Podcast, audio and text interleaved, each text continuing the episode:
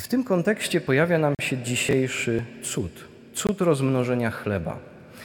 Cuda przyciągają bardzo dużo uwagi. Tym bardziej, że o tym cudzie opowiadają nam wszyscy czterej ewangeliści. Ten cud oczywiście albo przyciąga uwagę, albo kłuje w oczy, rodzi pytania: jak? Czy w ogóle? Dlaczego? Jak to rozumieć? Jak to wyjaśnić? I co jest zaskakujące, w pewnym sensie powtarza się postawa tłumu z tej historii. To znaczy, tak mocno skupiamy się na tym, co cudowne, na tym, co nadnaturalne, że nie zauważamy kluczowego przesłania tej historii. Soren Kierkegaard, duński teolog, filozof i pisarz, podzielił się kiedyś refleksją: Jezus nie po to przyszedł, abyśmy go podziwiali, ale po to, abyśmy go naśladowali.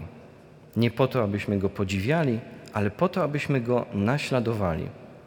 Jest zasadnicza różnica między tym, kto podziwia, a tym, kto naśladuje, między tym, kto zachwyca się, a tym, kto uważa, że od momentu przyjścia Chrystusa życie nie może być prowadzone dokładnie tak samo